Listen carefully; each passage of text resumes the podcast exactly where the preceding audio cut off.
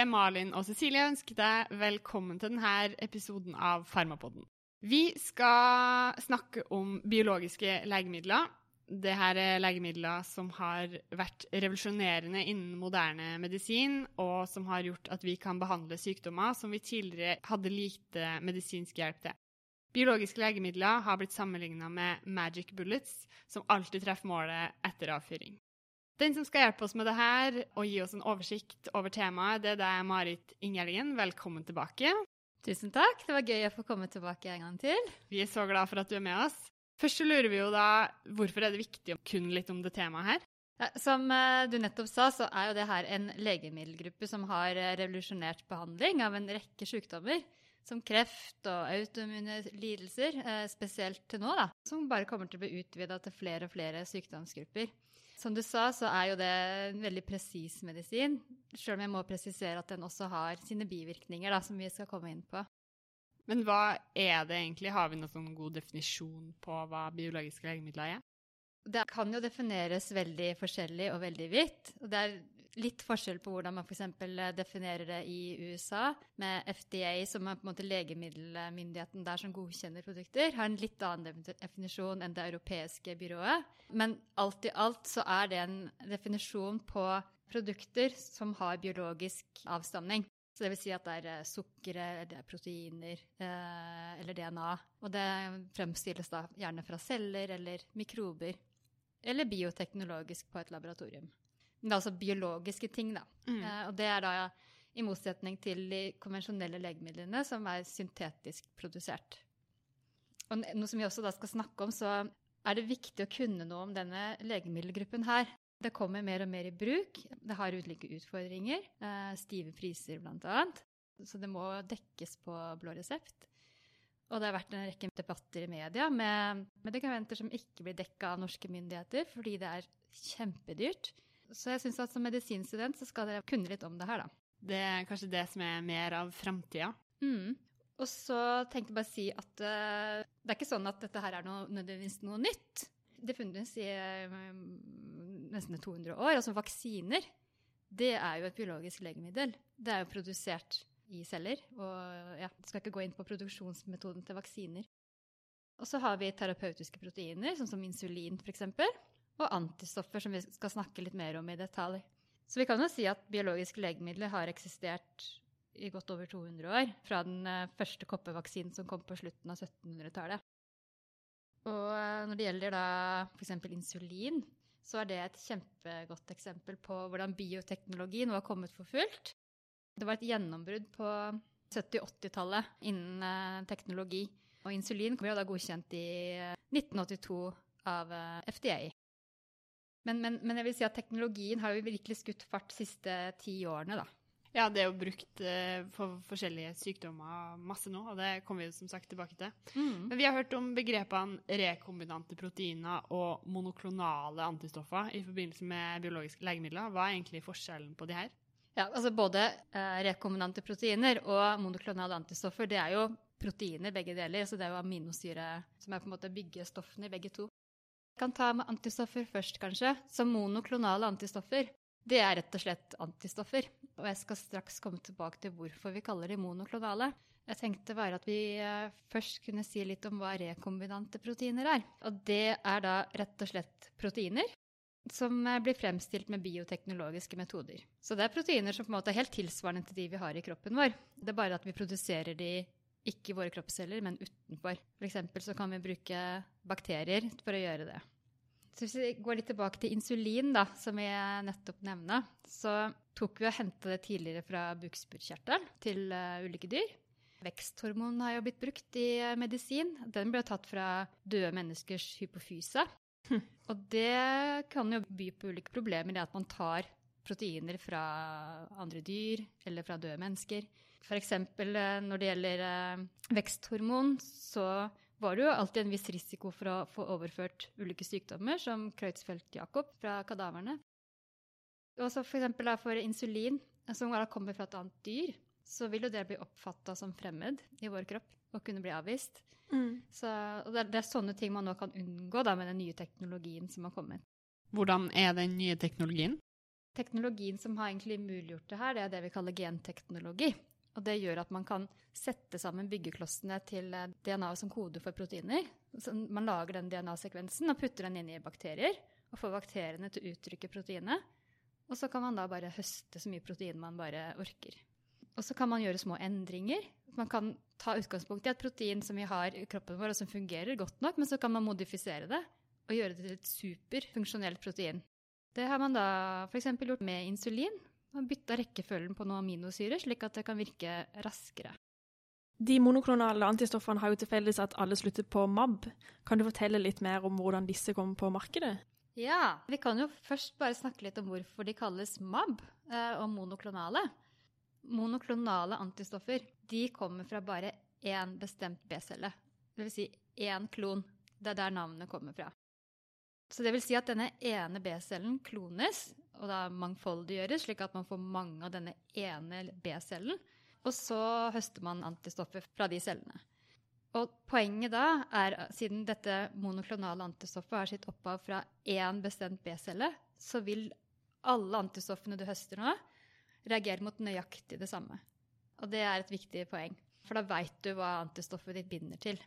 Og så, vi snakka om hva MAB betyr. Så det er da en engelsk forkortelse for monoclonal antibody. Ikke sant? Rett og slett. Mm. For eh, i menneskeblodet så har vi polyklonale antistoffer. Det er riktig. Så vi har da i serum en eh, miks av ulike antistoffer. Og når vi får en eh, mikrobe inn i kroppen vår, så vil det være mange B-celler som, forskjellige B-celler som lager antistoffer retta Mm. mot det samme antigenet, men de vil ha litt små forskjeller i bindingsaffinitet eller nøyaktig hvor de binder. Så de kan være retta mot samme mål, men de er ikke helt like. Da kaller vi de poliklonale, for de kommer fra forskjellige B-celler. Det kan være mange fordeler med å bruke poliklonale antistoffer, for da kan du jo sikre deg mer bredde i, i hva de skal binde til. Mm. Men det er klart du har mindre kontroll på spesifisiteten. Da. Det er- er veldig vanskelig å, å kopiere et sånt produkt fra gang til gang. Men det har jo vært utnytta i eh, årtier, dette med at vi har så mye antistoffer i blodet vårt. Så serum er jo pakka med antistoffer. Vi produserer jo antistoffer hele tida. Og da er jo egentlig covid-19 et godt eksempel, bare for å ta et sånt aktuelt eksempel. da. Ja, gjerne det. Så er dere sikkert klar over at her på OUS så har man da gjort et opplegg slik at man kan høste plasma fra pasienter som har hatt covid og blitt friske. For poenget er at disse menneskene vil da ha produsert antistoffer mot viruset. Og så kan man da gi dette plasmaet til eh, pasienter som er syke, som behandling, da. Men det er jo en begrensning ligger jo, som jeg nevnte, at det er vanskelig å standardisere slike produkter. Og det er jo å begrense hvor mye plasma du kan høste fra mennesker. Så du vil aldri kunne få de store volumene. Mm. Uh, Så derfor så er det en fordel å kunne bruke bioteknologiske metoder for å kunne komme litt mer opp i volum. Ja. Mm.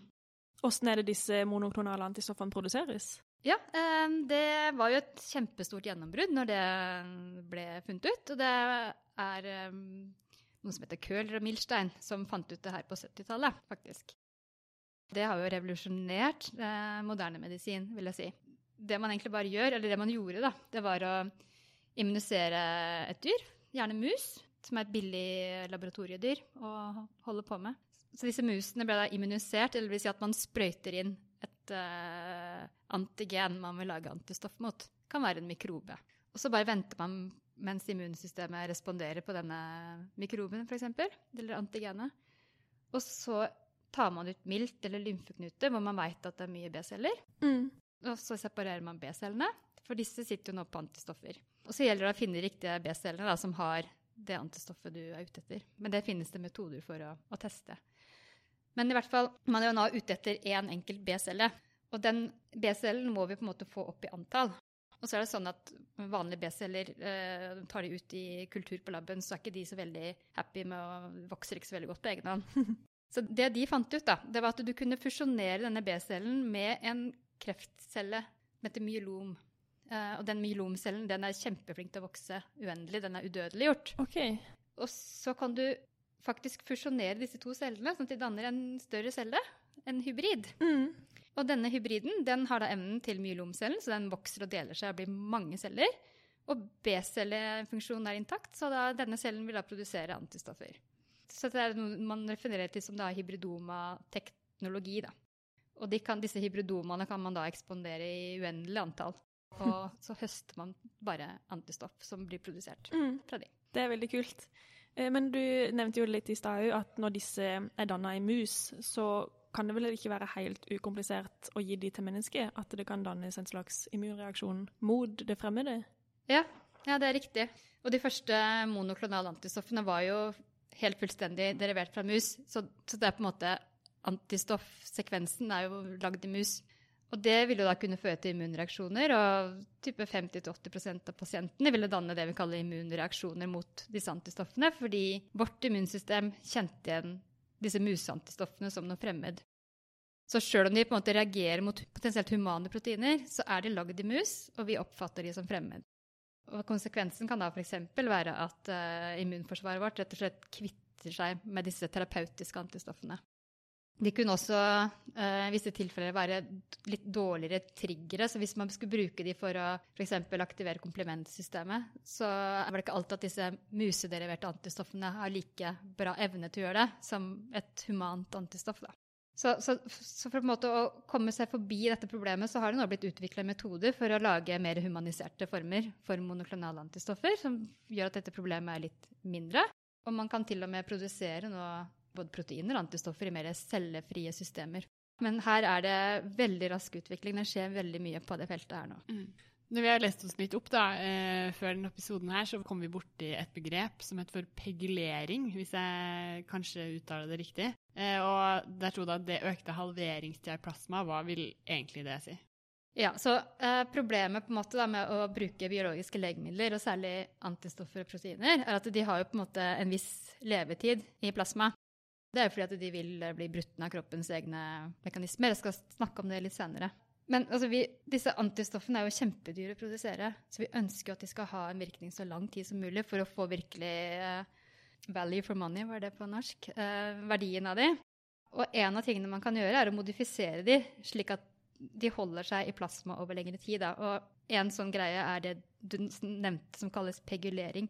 Det vil si at da er det et molekyl som kalles PEG, eller polyetunylglykol, som man kan koble til antistoffet. Det er grunnstammen i antistoffet. Og så vil det øke halveringstiden i plasma. Det vil da være litt mer beskytta mot å bli degradert. Det finnes også andre metoder man kan bruke for å gjøre det her. Mm. Og så lurer vi på om du kan si litt også om hvordan et antistoff egentlig er bygd opp, og hvordan det fungerer? Ja, alle husker sikkert at antistoffer har en sånn Y-form. Og selve antistoffet er bygd opp av fire peptidkjeder. To lange og to korte. Og de to korte kalles da lettkjeder. Og så er det også da to identiske tungkjeder. Og de er da arrangert i denne Y-formen. Så vi har da en stamme og to sånne grener da, som stikker ut. Og lettkjedene de er jo da del av denne armene. Så vi snakker om at antistoff har en FC-del og FAB-deler. Hvor da FC-delen er stammen og FAB-delen er armene. Og begge deler har viktige funksjoner. Så FAB-delene de er viktige fordi det er denne delen av antistoff som binder til target, eller til målet. Og den ytterste delen av armene er ekstremt variable. Jeg vet ikke om dere har hørt om det. Det er et hypervariabelt område som kalles complementary determining region. Det er det som gjenkjenner antigenet.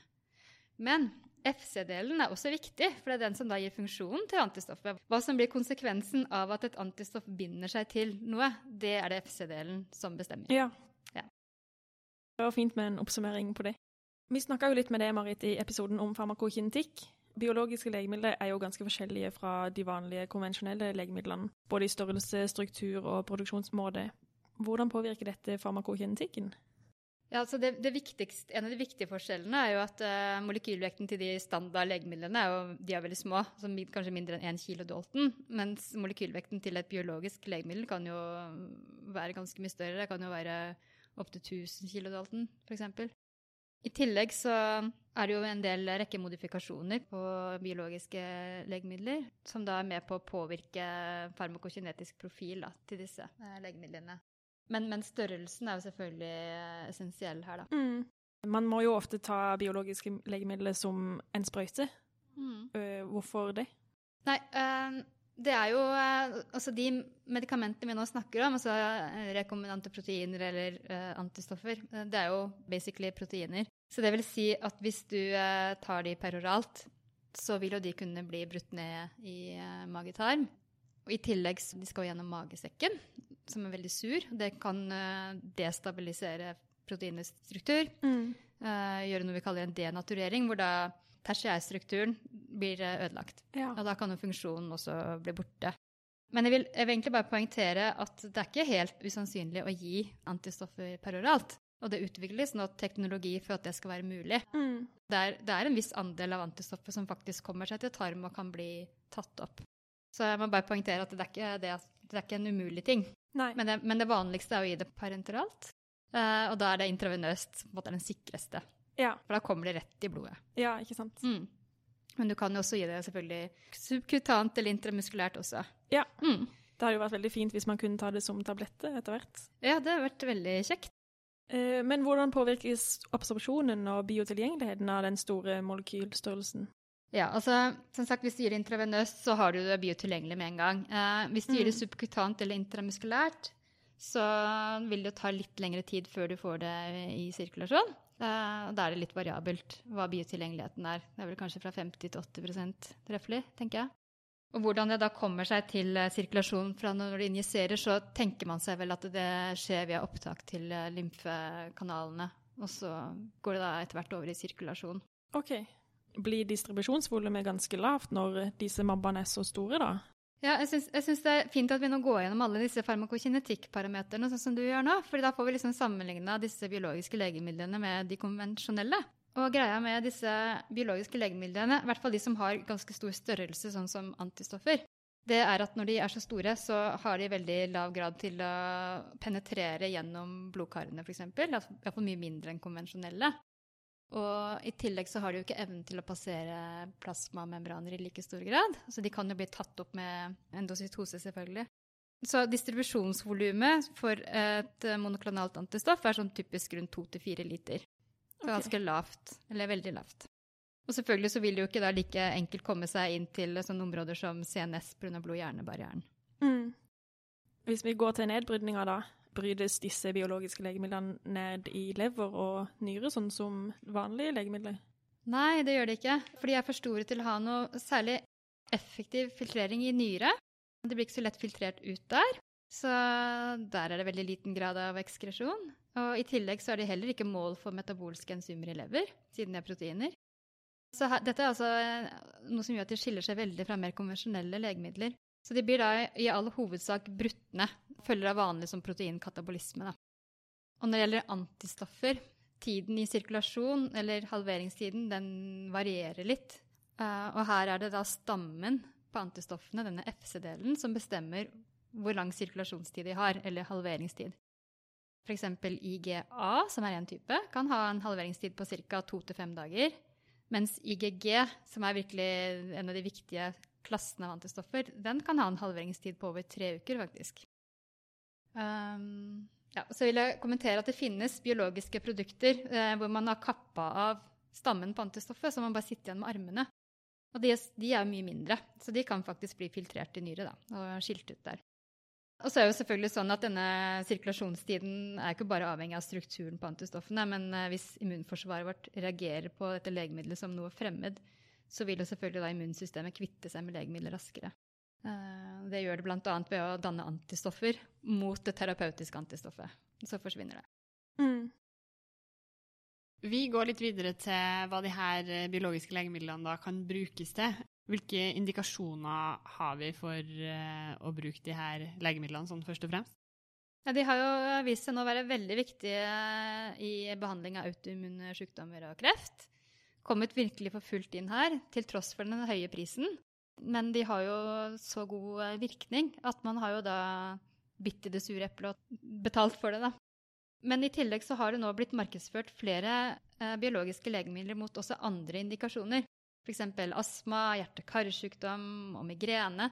Så det illustrerer jo egentlig at man kan eh, tenke seg disse biologiske legemidlene mot en rekke indikasjoner. Jeg ser egentlig ingen begrensning her. Det er veldig vid bruk. Og særlig antistoffer er jo et genialt produkt. Det har på en måte spesifisitet. Det kan binde til uh, helt spesifikke sekvenser. Så har det med seg denne FC-delen som gjør at du virkelig kan bruke antistoffet til noe. Så det er et kjempefint produkt. Hvilke autoimmune sykdommer, det er jo mange av de, da, men er det noen spesifikke av de som man bruker det på, eller er det veldig generelt? Ja, det, det, i prinsippet så kan man vel bruke det mot, mot de fleste, men, men, her er det sånn at legemiddelmyndighetene, sånn som FDA og det europeiske er det EMA det heter, de har da godkjent bruk av ulike antistoffer mot bestemte indikasjoner eller bestemte sykdommer. Så selv om i prinsippet et medikament kan virke på et bredt spekter av autoimmune sykdommer, så er du nødt til å bruke det fordi det er en indikasjon det er godkjent for. Da. Og akkurat nå så er det da medikamenter f.eks. mot psoriasis, ulike inflammatoriske tarmsykdommer som Crohns og ulcerøs kolitt, selvfølgelig revmatoid artritt, der er det jo stort, mm. og multiple sklerose. Og felles for disse autoimmune sykdommene er at man bruker et uh, monoklonalt antistoff typisk mot et uh, cytokin som er kritisk for patogenesen til den sykdommen. Mm. Så vi trenger ikke gå helt i detalj i patogenesen til psoriasis, men hvordan fungerer biologiske legemidler her? Ja, vi, vi, trenger ikke nå å gå i detalj i patogenesen, men vi kan jo ta det som et uh, eksempel. Så i psoriasis så er uh, IL-17 og TNF-alfa sentrale cytokiner i patogenesen. Så kan man da blokkere disse to cytokinene med antistoffer, som da er retta mot disse to cytokinene. Så det vil si at her bruker man antistoffene som uh, blokkere. Så når antistoffene binder seg til IL-17 eller til TNF-alfa, så vil ikke disse to cytokinene fungere lenger. Og da kan man dempe inflammasjonen og immuncelleaktivitet. Og det er jo helt tilsvarende det man gjør i f.eks. revmatoid artritt, hvor også TNF-alfa er veldig sentral i patologien, og hvor man ser en veldig god effekt på å blokkere TNF-alfa med antistoffer. Mm. Uh, og da, for eksempel, så ser man jo da veldig redusert aktivitet i, i T-celler. da. Mm. Det, det, har jo på en måte disse medikamentene har jo kommet fordi det har vært et stort behov for mer målrettet behandling. For sånn som dere vet, så De mer konvensjonelle medikamentene som brukes mot disse autoimmune sykdommene, som f.eks. kortikosteroider og metotreksat, syklosporin altså de, de, fungerer jo fint, men de er jo ikke optimale. De har veldig sånn bred effekt, masse bivirkninger. Kan gi dårlig compliance. Så, mm. så, vi har veldig stor tro på disse biologiske legemidlene, og særlig hvis de kan bli litt billigere òg, da. Ja, ikke sant. Mm. Men er det noe spesielt som er viktig å tenke på eh, ved bruk av antistoffer mot cytokina, som f.eks. TNF-alfa? Uh, ja, altså det er litt sånn ulik grad av bivirkningsprofil på disse. fordi det er, jo ikke, det er jo ikke, alltid at det er så smart å blokkere cytokinene, for de har jo viktige funksjoner i kroppen. Mm. Uh, når det gjelder TNF-alfa-hemmere, altså antistoffer mot TNF-alfa, så er de ansett som å være ganske trygge medisiner som tolereres godt kan føre til reaktivering av latent tuberkulose. Eh, så det er viktig å være nøye med undersøkelser og screening da, før man begynner på slike medikamenter. Og så vet man også at det er risiko for å danne antistoffer mot disse terapeutiske antistoffene. Mm. Og det er noe man kjenner til for to av disse TNF-alfa-monoklonale antistoffene, som infliximab Impliximab og Adalimumab. Det vil jo da redusere effekten av medikamentet. Og det samme ser man jo også for så vidt for IL-17-hemmere. IL-17 er viktig ved forsvar mot soppinfeksjoner. Så går man på en IL-17-terapi, så kan man få hyppigere candida-infeksjoner, f.eks. Mm. Eh, hvilke andre viktige monoklonale antistoffer brukes i behandling i dag? Ja, Vi kan jo nevne f.eks. IL-6-hemmere, så antistoffer mot IL-6. De brukes også i forbindelse med revmatoid artritt. Eh, fordi IL-6 er viktig å fremme inflammasjon i leddene. Eh, så dermed så vil et antistoff mot IL-6 redusere immunaktivering. Sånn som det er med de andre antistoffene jeg nevnte, TNF-alfa og IL-17, så er det også bivirkninger i forbindelse med IL-6-blokkering. Kan få økt infeksjon, neutropeni, hyperlipidemi osv. Men det er sjelden alvorlige bivirkninger, da. Mm. Jeg lurer på om jeg skal ta og nevne også her, når vi først snakker om IL-6-hemmere, at det, de har også vist seg å være nyttig i forbindelse med covid-19-behandling. Så okay. det er nå kliniske studier på at IL-6 monoklonale antistoffer kan uh, redusere covid-19-patologi. Nå er ikke resultatene helt uh, entydige ennå, men det tyder på at uh, pasienter som bruker disse legemidlene, så reduserer man det man kaller relativ risiko for dødsfall med 24% sammenlignet med de som får standard behandling for covid-19. Det ser ut til at de vil også da få et kortere sykdomsforløp. De skrives ut fra intensivavdeling uh, opptil en uke eller mer før andre pasienter. Som sagt, det er ikke konkludert med noe ennå, og det er også flere antistoffer mot andre cytokiner som er under utprøvning. Og også andre medikamenter. Uh, så det blir spennende å følge. Det virker jo veldig lovende, og òg sammen med vaksinene som kommer nå på løpende bånd. Men eh, jeg tenkte, nå har vi snakka mye om at eh, antistoffer er veldig nyttig å bruke for å blokkere cytokiner. Men de har jo mye andre virkningsmekanismer som man også kan utnytte. For de trenger ikke bare ha en ren blokkerende virkning. Og Da tenkte jeg bare skulle gi et par eksempler. Og da vil jeg bare først nevne et antistoff som er retta mot CD20, som er en markør på B-celler. Og det kan da brukes for å drepe B-cellene, for å si det sånn. Um, fordi hvis dette antistoffet binder seg til CD20-markøren på B-cellene, så kan man derved rekruttere komplement og cytotoksiske celler, og så kan man da via FC-delen til uh, dette terapeutiske antistoffet drepe B-cellene. Og det kan ha en nyttefunksjon i forbindelse med autoimmune lidelser hvor B-cellene er sentrale i patologi, mm. eller i B-cellekreft. Mm. Og så For å ta et annet eksempel, så kan vi ta antistoff mot CD86, som er en membranprotein på T-celler. Eh, nei, det er det ikke, fordi det er på antigenpresenterende celler. Vet du hva, jeg er immunolog. Tenk fy, fy, det er ikke bra. Eh, I hvert fall. Eh, Abatacept binder til CD86. Uh, CD86 er et veldig viktig molekyl for å gi full T-celleaktivering. Så hvis man da går inn med dette blokkerende antistoffet mot CD86, så vil man kunne hemme T-celleaktiveringen. Mm. Uh, og dermed vil man dempe effekten av T-cellene i uh, f.eks. hematoid uh, artritt. Mm. Og det er vist at uh, abatacept mot altså CD86 er en veldig trygg medisin med få bivirkninger. Du nevnte òg noe om MS tidligere. Hvorfor fungerer biologiske legemidler her? Ja, Det var fint at du tok opp det, for her kan vi ta et annet eksempel på bruksområdet for monoklonale antistoffer. Um, så Som dere sikkert vet, så er da multiple sklerose en inflammatorisk sykdom som angriper CNS. Mm. Og det er da um, altså Man ser jo da både CD4 og CD8 T-celler i plakk i hjernen. Og Derfor så vil man ha nytte av medisiner som hindrer T-cellene å komme inn i CNS. Og her har man da benytta seg av antistoff mot et integrin som heter alfa-1 beta-1, som er på T-cellene. Så hvis vi nå kommer inn med et antistoff som setter seg på det integrinet, så vil det da forhindre T-cellen i å feste seg til addisjonsmolekyl på endotelcellene. Og dermed så vil ikke T-cellen i like stor grad komme seg inn i CNS. Hm. Så det er også et eksempel på praktisk bruk, da. Ja, veldig, veldig smart. Den andre hovedgruppa som du nevnte man bruker biologiske legemidler mot, er jo kreft. Hvordan fungerer det? Ja, uh, her blir det bare mer og mer tatt i bruk. Per januar i år så var det 26 monoklonale antistoffer som er godkjent for bruk mot ulike krefttyper. Grunnen til at det egner seg veldig godt for kreft, er at uh, enkelte krefttyper har proteiner på overflaten som ikke fins på normale celler. Derfor kan man på en måte da målretta kaste antistoffer på kreftceller og destruere de. Og eh, det gjør at man kan bruke også cytostatika mer målretta.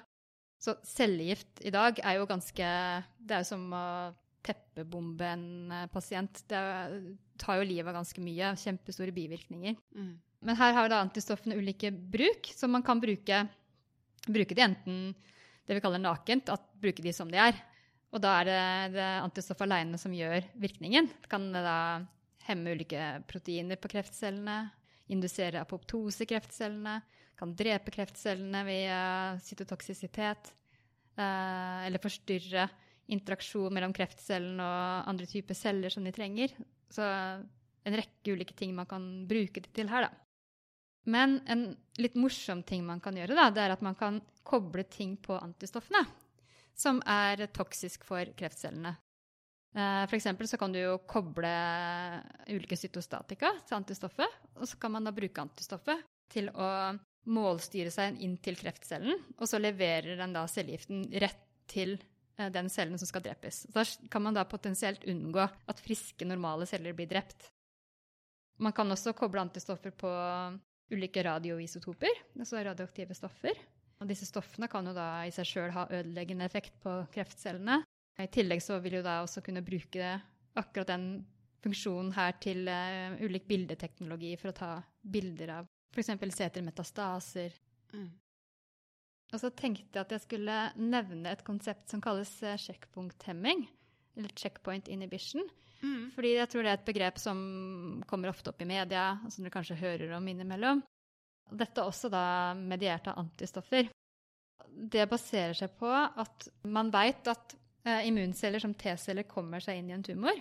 Men når T-cellen kommer seg inn i tumor, så vet man at kreftcellene bare skrur de av. Sånn at de bare blir lamslått. Og sjekkpunkthemming har som funksjon å reaktivere T-cellene, så de ikke blir lamslått inne i tumoren. Um, og da er det to molekyler som er veldig sentrale.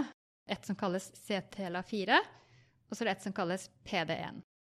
Og som vi dere har hatt om på forelesninger tidligere, så er CTLA4 uttrykt på T-cellen og binder seg til CD80 eller 86 på en antigenpresenterende celle.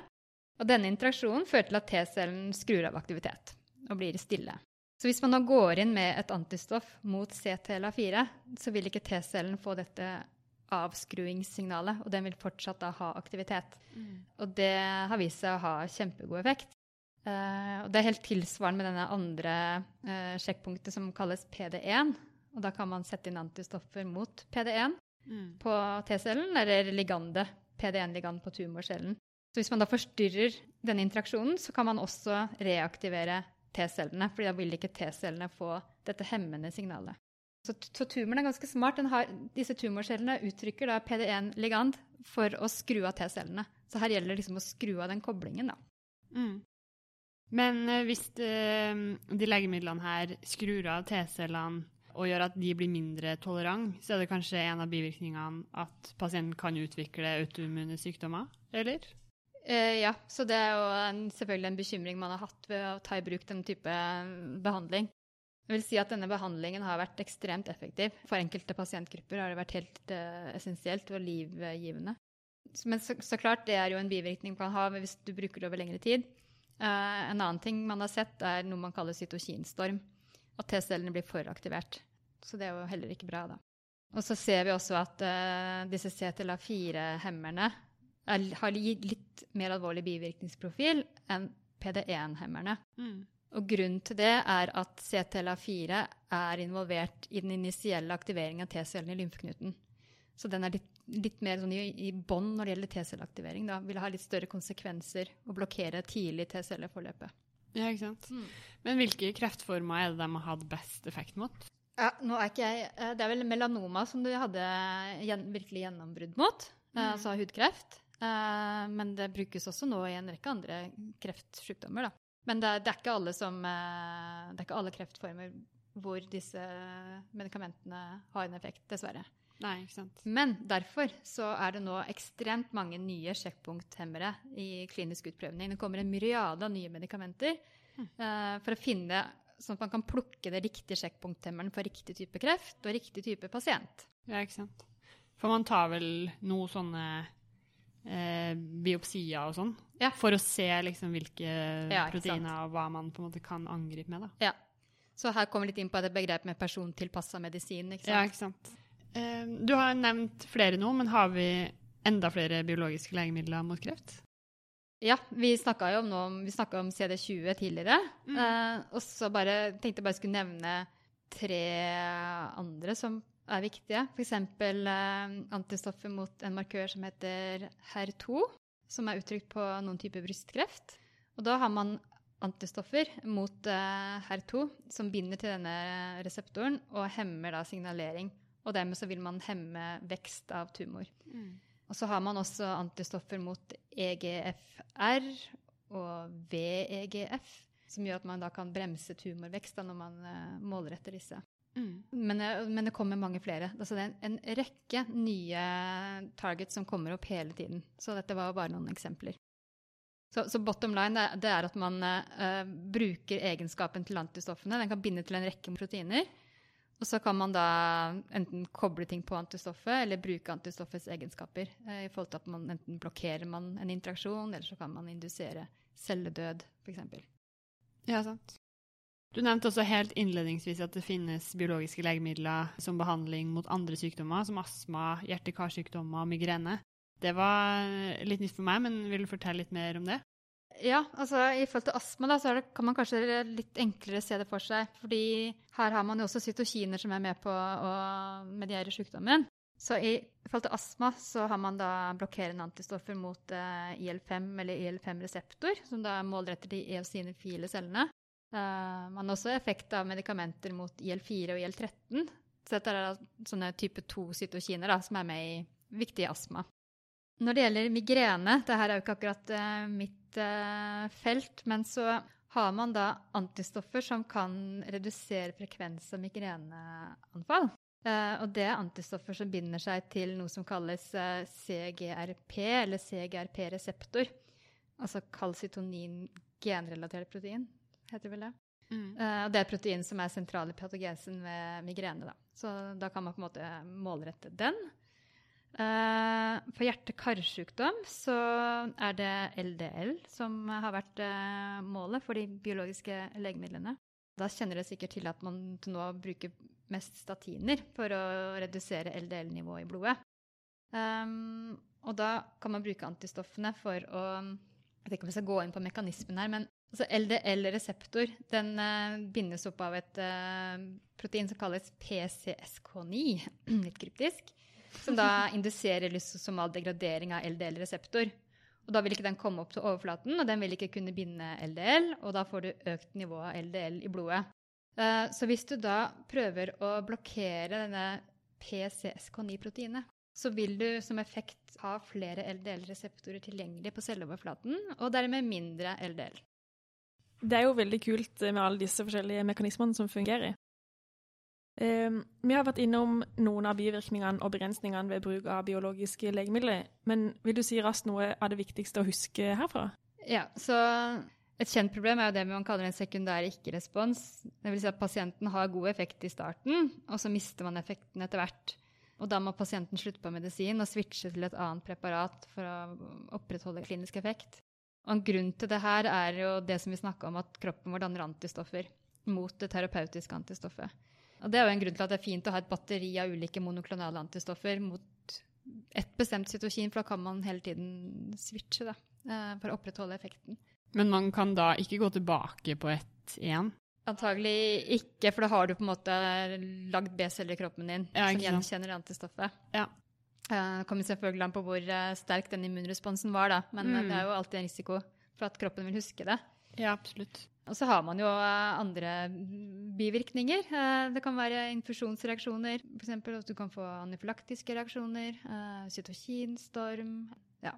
Det, det, det, er en del problemer potensielt assosiert med, med antistoffer. Mm. Så, de, så, det er ikke bare en solskinnshistorie. Det er mye problemer knytta til det. Og det som vi snakka om med kostnadene i å produsere det. Mm. Og ikke bare kostnadene, men det her nå kommer inn på et, et sentralt problem med biologiske legemidler generelt. Og det er jo at uh, de er biologiske. Uh, altså et konvensjonelt legemiddel kan du på en måte produsere helt likt hver gang. Uh, men det kan du ikke med biologiske legemidler. veldig vanskelig. Altså de vil ha små det vi kaller batch-til-batch-variasjoner. Det er mm. nesten umulig å lage et nøyaktig likt produkt fra gang til gang. Fordi du lager det i cellulære systemer, og det er proteiner. De er også utsatt for degradering. altså Det tåler bare en viss temperatur, en viss lagringstidsrom. Mm. Og det er jo med på å presse prisen eh, oppover, da. Ja, ikke sant. Men når patenttida og sånn har gått ut på de her, da, vil man tro at prisene holder seg så høy fordi de er såpass dyre å produsere, eller vil det Så det, det kan jo falle litt, men, men altså så lenge produksjonsmetoden er som den er, så vil jo prisen fortsatt være høy. Det er klart konkurranse hjelper jo litt. Men uh, du bringer meg nå på et uh, begrep vi burde nevne, og det er det vi kaller biosimilars. Mm. Altså biolignende produkter. Så man kan, hvis man har et bestemt antistoff mot TNF-alfa f.eks., så kan man lage et annet antistoff mot TNF-alfa som på en måte binder omtrent det samme, eller har, har samme effekt. Så de, da, de, er da similar, eller like, da. Ja. Men det er ganske strenge regler eh, hos FDA med hva man kan kalle et biosimilar product. Da skal man være helt steinsikre på at dette nye produktet binder nøyaktig det samme og har nøyaktig samme klinisk effekt. Mm. Det betyr at som lege så kan du trygt velge det ene eller det andre av- av biosimilars. Det skal ikke være tenke at det er tryggest å velge originalproduktet. Det skal være like trygt å velge det nye. Fordi det er veldig strengt regulert. Så det blir som generika. Ja. Ja, og da vil man også tro at hvis man bruker det ene, får en reaksjon på det, så man må slutte på det, kan man da prøve det andre, eller er Ja, det ja, for det kan du gjøre. Absolutt. Men hvis hvis du i utgangspunktet står, eh, skal begynne behandlingen og, står og har liksom to eh, antistoffer å velge mellom mot det samme, to biosimilars, så skal det i utgangspunktet ikke spille noen rolle hvem du velger å starte med. For de skal være helt like i funksjonen, da. Ja, Mm. ikke sant. Du var inne på at prisen er høy, at det her ofte er blå reseptpreparater. Man ser jo stadig i media om at uh, det er litt diskusjoner på hva som skal dekkes og ikke, men hvilke priser snakker vi egentlig om? Ja, det er, det er dyrt. Det, ligger vel på rundt én million kroner i året, tenker jeg. Ja, ikke Så det, det er kjempedyrt. Det er en kjempeinvestering. Ja. Det er derfor man får disse oppheta debattene i media. Og særlig med pasienter med sjeldne sykdommer. Eh, og da kan preparatene være enda dyrere. Mm. Så hvor skal man sette grenser for hva man dekker? Og, det bare viser at det er virkelig kjempestort behov for teknologi som gjør denne produksjonen mye billigere. Mm. Det er dette det med at, at produktene kan ha en, sånn, ha en liten variasjon fra gang til gang man produserer det, og som også presser prisen opp. Så, så det er virkelig behov for metoder og, og teknologi for å få billigere biologiske medikamenter. For jeg mener jo bestemt at det er jo framtiden få disse produktene inn på markedet. Absolutt. Jeg tenkte, Når vi også nå snakker om pris, sant, så er det jo også litt i forhold til hvis man skal investere i bruken av et medikament som det her. Så hva skal man bruke det til? Og, og da er det jo sånn at uh, for en del av disse medikamentene, så vil, og særlig når det gjelder f.eks. kreft, så vil uh, effekten av disse medikamentene kanskje være palliativ. Så den vil ikke være kurativ. Ikke? Da kan man diskutere hvorfor skal vi putte inn så mange penger inn i en pasient som uansett ikke vil bli frisk av dette biologiske legemiddelet. Mm. Det er jo et etisk dilemma, selvfølgelig. Mm. Men jeg vil jo også si at det er jo en del av disse medikamentene som også har kurativ effekt. Og det er det man ønsker på en måte etter hvert å kunne oppnå for flere medikamenter.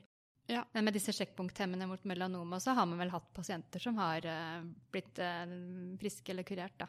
Ja, så malignt melanom er et eksempel på en sykdom som kan kureres med det her. Ja, altså det gjelder ikke Det gjelder et fåtall, det må jeg bemerke.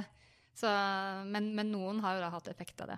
Ja, ikke sant? Og det er vel kanskje derfor man godtar også at det er ganske mye bivirkninger for veldig mange. Fordi at man prøver kanskje cellegift eller andre kirurgi og, og Mm. det man har å prøve først, da, og så finner man ingenting. Og Ja. så går man over på biologiske legemidler, Ja. og det Og, og det var egentlig fint du sa det, fordi jeg tror ikke det at, eh, at biologiske legemidler vil ta over for standard, for standard kreftbehandling. Fordi sant, Hvis du har en tumor eller en, en blodkreft, så, så tumoren kan være stor. Mm. Altså, du kan ha så blodkreft, du har celler over hele kroppen. Jeg tror ikke at disse biologiske legemidlene vil kunne slå ned hardt nok og raskt nok for å bremse, så du må fortsatt inn med standardterapi. Men så kan man kanskje, kanskje komme inn med det her i etterkant, da, etter at man har slått ned kreften på et Ja. mer håndterlig nivå. Så det er et supplement. Ja. Mm. Og så helt til slutt, så nå har vi snakka veldig mye om antistoffer, så det virker som at det er det eneste innen biologiske legemidler, men det er jo ikke det. Vi nevnte så vidt proteiner. Og vi har ikke snakka om celleterapi, f.eks. Er det et biologisk legemiddel? Det går det også en debatt om. Så bare for å stresse det, da. Altså det er, eh, gjelder også andre typer ting. Ikke sant? Mhm.